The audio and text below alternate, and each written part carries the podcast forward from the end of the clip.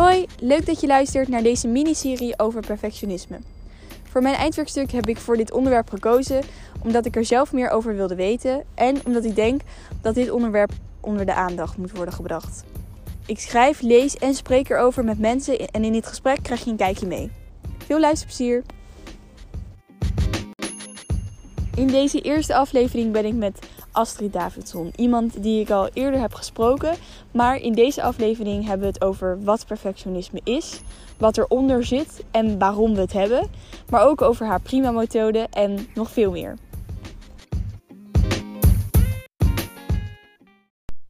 Leuk dat je luistert naar een nieuwe aflevering van de Gezondere Jongen podcast. Deze keer heb ik iemand die ik nou niet voor de eerste keer zie, namelijk voor de tweede keer. Want je bent al één keer eerder in deze podcast geweest. En toen hebben we het ehm, gehad over perfectionisme. En dat is nu inmiddels nou, bijna een jaar geleden. En ehm, ik ben inmiddels voor school moeten we een uh, eindwerkstuk maken. En uh, ik, vandaar ben ik eigenlijk erachter gekomen dat ik ja, wel iets met perfectionisme wilde gaan doen. Omdat ik het toch wel nog steeds herkende in mezelf. En daarom heb ik ervoor gekozen om uh, mijn werkstuk over perfectionisme te hebben. Mhm. En toen uh, moest ik eigenlijk gelijk ook aan jou denken. Want ik dacht van ja, ik heb het hier al met iemand over gehad. En dat is toen, ja, vond ik dat heel interessant. Maar um, daar wou ik eigenlijk nog wel meer over uh, praten en over dieper over hebben. Ja, superleuk. Dus vandaar dat, dat we nu hier zijn samen. Dat ik uh, jou hier... Dus dank je wel. Ja, welkom in Egmond aan Zee. Ja, precies. Lekker met de vuurtoren erbij. Heel leuk. Mhm. En um, ik heb eigenlijk als eerste vraag even rustig beginnen met... Wat is nou eigenlijk perfectionisme en wat zit er vooral onder? Oké. Perfectionisme is de... Mm, de neiging die je hebt of het verlangen om alles zo goed mogelijk te doen. Dus je hebt een bepaalde lat, je hebt een bepaalde voorstelling van hoe dingen zouden moeten. En je wilt graag dat dat aan het uh, plaatje voldoet. En um, waar het vandaan komt is eigenlijk um, ook het verlangen om daar veiligheid aan te ontlenen.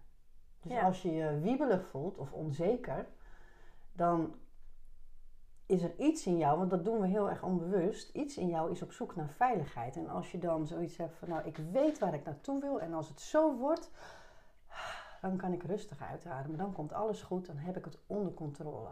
Dat is eigenlijk wat uh, perfectionisme is en doet, in, mijn, uh, in mijn beleving. Ja. En wat zit daar dan eigenlijk onder? Nou, ten diepste zit er onder het gevoel van, ik ben niet goed genoeg, ik moet me bewijzen. Um, en de angst dat je niet voldoet aan een of andere standaard. En ja. dat komt omdat je tussen 0 en 7 jaar ook al, totdat je uh, als kind een kritisch bewustzijn ontwikkelt, wat ja, rond de leeftijd van 7, 8 begint dat te komen. Ik maak altijd de vergelijking met uh, wanneer ga je van uh, je Sinterklaasgeloof afvallen. Hè? Als je kritische vragen durft te stellen of kunt stellen. Ja en uh, op dat moment neem je niet meer alles klakkeloos aan. Maar tot je zevende jaar heb je dus al zeven jaar, of zes of acht, dat is een beetje gemiddeld dat zeven. Alles wat mensen om je heen hebben gezegd, heb je voor waar aangenomen. Ja, en want dat, je moet wel eigenlijk. Ja, ja, je kunt daar ook niet over nadenken. Je moet ook, want je bent een onbeschreven blaadje als baby. Dus je moet natuurlijk gewoon leren van je omgeving, van je ouders, van school, van vriendjes, vriendinnetjes, opa's en oma's. En die vertellen van alles. En jij denkt van ja, die weten het allemaal. Dus dat is één op één wordt dat jouw waarheid. Dus als jouw vader of je moeder bijvoorbeeld zegt van... Uh, nou, denk maar niet dat het allemaal vanzelf gaat. Daar moet je hard voor werken als je iets wilt bereiken in het leven of zo. Hè? Je hebt dat een mhm. keer gehoord. Uh, dan kan het zijn dat je op je dertigste, veertigste nog steeds keihard werkt. Omdat jij niet uh, doorhebt dat je dat vanaf kinds af aan al als een soort programmering hebt meegekregen. Dingen gaan niet zomaar vanzelf. Daar moet je keihard voor werken. Of uh, het is niet zomaar goed genoeg. Je moet altijd je uiterste best doen. Weet je wel? Of wat dan ook maar. Ja. Nou ja, daar komt dat gestreven vandaan. Ja. Want er zijn ook heel veel eigenschappen, eigenlijk zoals bijvoorbeeld zwart-wit denken of, um, of uitstelgedrag, die dan ook op perfectionisme uitkomen. Terwijl ik zou denken in eerste instantie, als ik daaraan denk, bijvoorbeeld aan uitstelgedrag, denk ik niet per se aan een perfectionist. Nee. Dus hoe ligt dat dan wel? Ja, dat is een andere kant van dezelfde medaille. Je moet je voorstellen, je kunt als perfectionist twee dingen doen. Je wilt een bepaald resultaat behalen. Je hebt een hoge lat in je, in je gedachten en daar wil je aan gaan voldoen. Dus of je gaat keihard je best doen om dat te doen. En dan noem ik het, dan ben je een ploeterende perfectionist. Die vaak als een kip zonder kop en zonder uh, uit te ademen. Weet je wel, zo, oh, het moet allemaal en oh, die druk. Maar het kan dus ook zijn dat je bijvoorbeeld door je ervaring van, wow, dat is wel hard werken, kan ik het allemaal nog wel? Of je wordt op een gegeven moment moe. Of je bent al ontmoedigd in je hoofd dat je denkt, god, ik ga het allemaal niet redden. Dat je daardoor verzandt in een soort van, ik, eh, ja, dat wil ik wel, maar dat, dat, dat kan ik allemaal niet, dus laat maar. Dus daar komt dat Mm, uitstellen Beetje de slachtoffer van... Ja, die hoge lat. Ik eh, kan het. Ja. Ga ik toch niet halen, dus ik kan, kan er net zo goed maar niet aan beginnen, zonde van, eh, van mijn inspanning. Ja. En op die manier heeft het met elkaar te maken. Je hebt perfectionisten die herkennen dat uitstellen niet.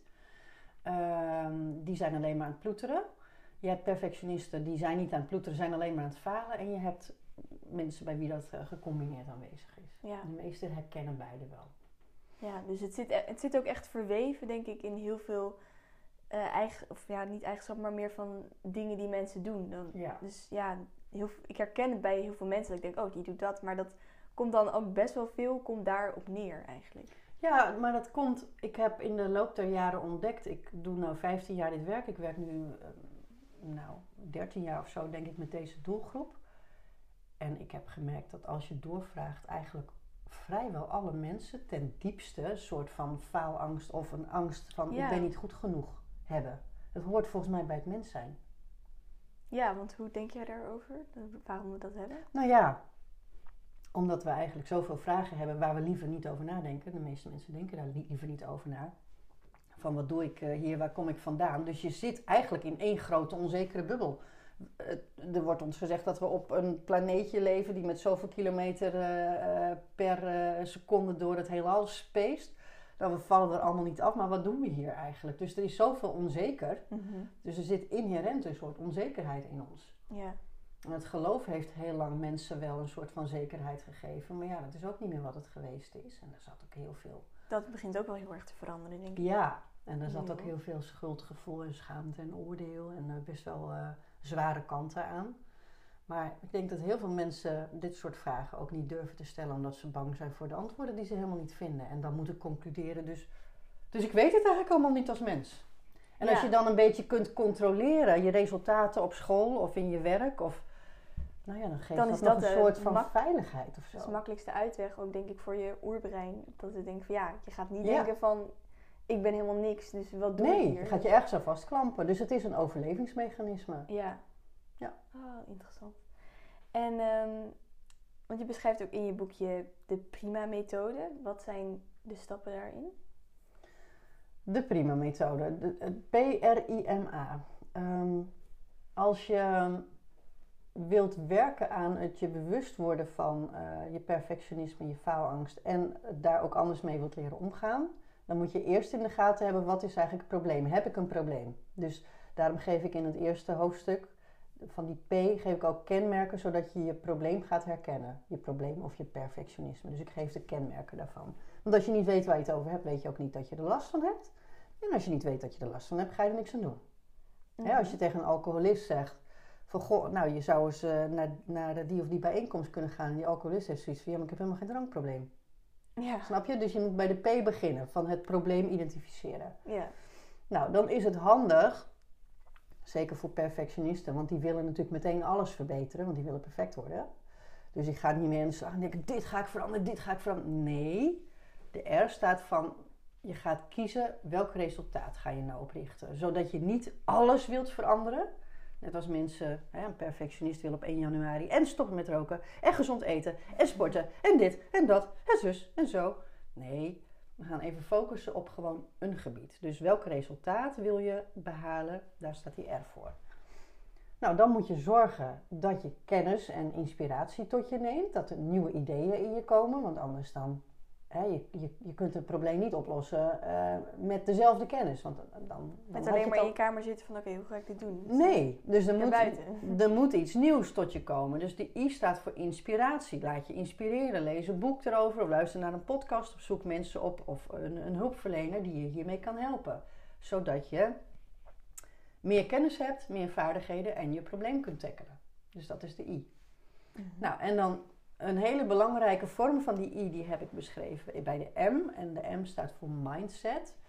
En daarin, in dat hoofdstuk, beschrijf ik allerlei ehm, oefeningen die eigenlijk uit de wereld van NLP komen. Neurolinguistisch programmeren. En neurolinguistisch programmeren is eigenlijk ehm, ja, een manier die je bewust maakt van hoe je door middel van taal dus je gedachten door middel van beelden en door middel van je gevoelens je gedrag beïnvloedt. En als je daar een paar basisoefeningen in leert, dan kun je ook ontdekken hoe je door je gevoel te beïnvloeden, door je gedachten te beïnvloeden en de beelden in je hoofd, de filmpjes in je hoofd, je gedrag kunt veranderen. Dus Ja. dat, dat je kunt stoppen met zo perfectionistisch te doen, zeg maar. Want de vorige keer hadden we het over dat je je stemmetje kan veranderen. Ja. En eh, in een ander stemmetje, waardoor je het niet meer zo serieus neemt. Mhm. Heb je nog een voorbeeld van zo'n techniekje?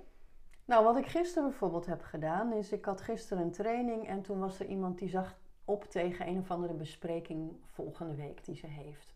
En toen zei ik van, oh, denk even aan de oude techniek, weet je nog wel, uit mijn training. Dat je ehm, in plaats van nu op te zien als een berg tegen, oh, wat kan er allemaal misgaan in dat gesprek. Zei, we, we vliegen nu over dat moment heen. Het is nu twee weken later, zogenaamd. En jij vertelt mij nu hoe vorige week dat gesprek heel goed ging. Vertel maar. Wat heb je gedaan? Hoe kwam je daar binnen? Hoe ging het? Dus ik heb haar gedwongen om mij een verhaal te vertellen. eh, waarbij zij terugblikte op een fantastische meeting. En ze moest het ook lachend vertellen.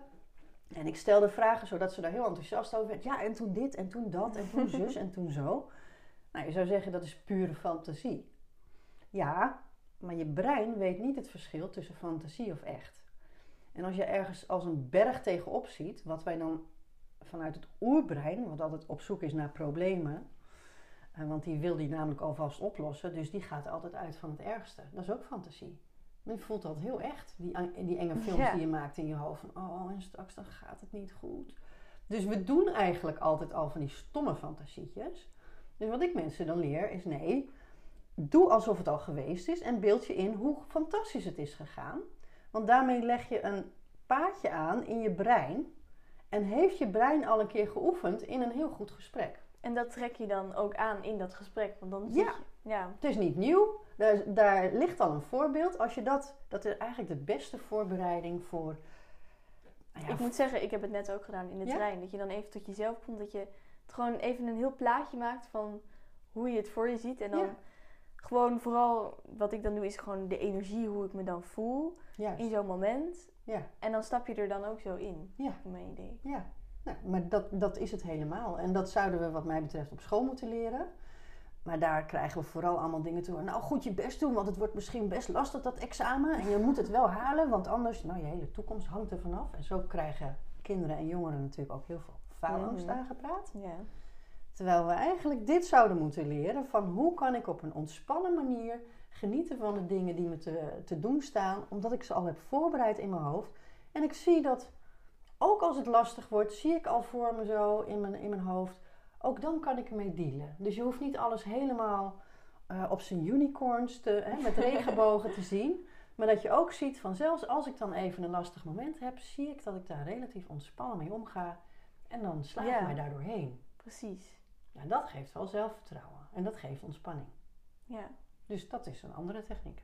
leuk. Ja. En dan de laatste van de prima. Is... Dat is de A van, eh, van actie, dat je dus leuk die oefeningen allemaal kunt lezen, maar dat je er ook wat mee moet doen. Want dan, door, door ze te doen en door eh, de kennis die je tot je neemt, de inspiratie, de oefeningen, eh, de vaardigheden, door die te integreren en je eigen te maken, worden ze van eh, ja, dat je er bewust bekwaam mee bezig bent, heet dat. Willen we heel graag dat het onbewust wordt. Dus dat je het zo vaak hebt geoefend, net als met autorijden. Op een gegeven moment denk je niet meer na over schakelen, spiegel. Dan gaat dat gewoon. Ja. Dan kan je radio aanzetten en je kan met iemand kletsen en de rest is onbewust geworden. Ja. Dus dat is een kwestie van A van actie, ga het doen totdat het geïntegreerd is. Ja, Anders is het waardeloos. en dat sluit ook wel aan op mijn volgende vraag. Want ik merk ehm, zelf dat perfectionisme bij mij ook zit in, het, ehm, in, de, in mijn gezondheid. Dat ik denk van, oh, ik wil gezond eten. En dat dat een soort controle ding wordt. Maar wat ik altijd moeilijk vind, is om, dat ik denk van, ja, het is wel een soort positieve intentie, zou je kunnen zeggen. Hmm. Van, ja, je begint met gezond eten. Ik bedoel, wat is daar mis mee? Mhm. Maar dat dat soort van uitloopt ehm, eh, in dat perfectionisme en de controle. Maar hoe kan je zeg maar het verschil daarin zien van, oh, dit gaat ver of dit is nog wel oké, want het heeft wel eigenlijk een positieve intentie, zou je kunnen zeggen. Ja, maar hoe voel je je erbij en hoe streng ben je voor jezelf? En hoe erg is het als je een keertje eh, afwijkt van het ideale pad? Hoe goed kun je daarmee omgaan? Of ben je dan boos op jezelf en ongeduldig? Word je dan gestrest en maak je je zorgen? Want op het moment dat je dat merkt, ben je je doel aan het voorbij eh, schieten. Want dan is de intentie niet meer positief, maar inderdaad controle. En dan zit er stress op. Mhm. Ik zeg altijd, je kunt beter een stuk chocola nemen met ongelooflijk veel plezier. En eh, van wow, dit gun ik mezelf en ik ga er nu echt van genieten. Want die energie slik je ook door. Ja. En als jij eh, dat doet van, oh shit, nou ik moet dit nu nemen. En eigenlijk zijn het niet de, de glutenvrije crackers die goed zijn voor mijn buik. Maar nou, ik- er is niks anders. Nou, alleen daar krijg je al buikpijn. Ja, en stress is ook eh, niet echt wat Dat je is, eh, nee precies, stress is, eh, is ja, erger, denk ik. Of, hè, dat is een rechtstreekse voedingsbron voor problemen. Ja.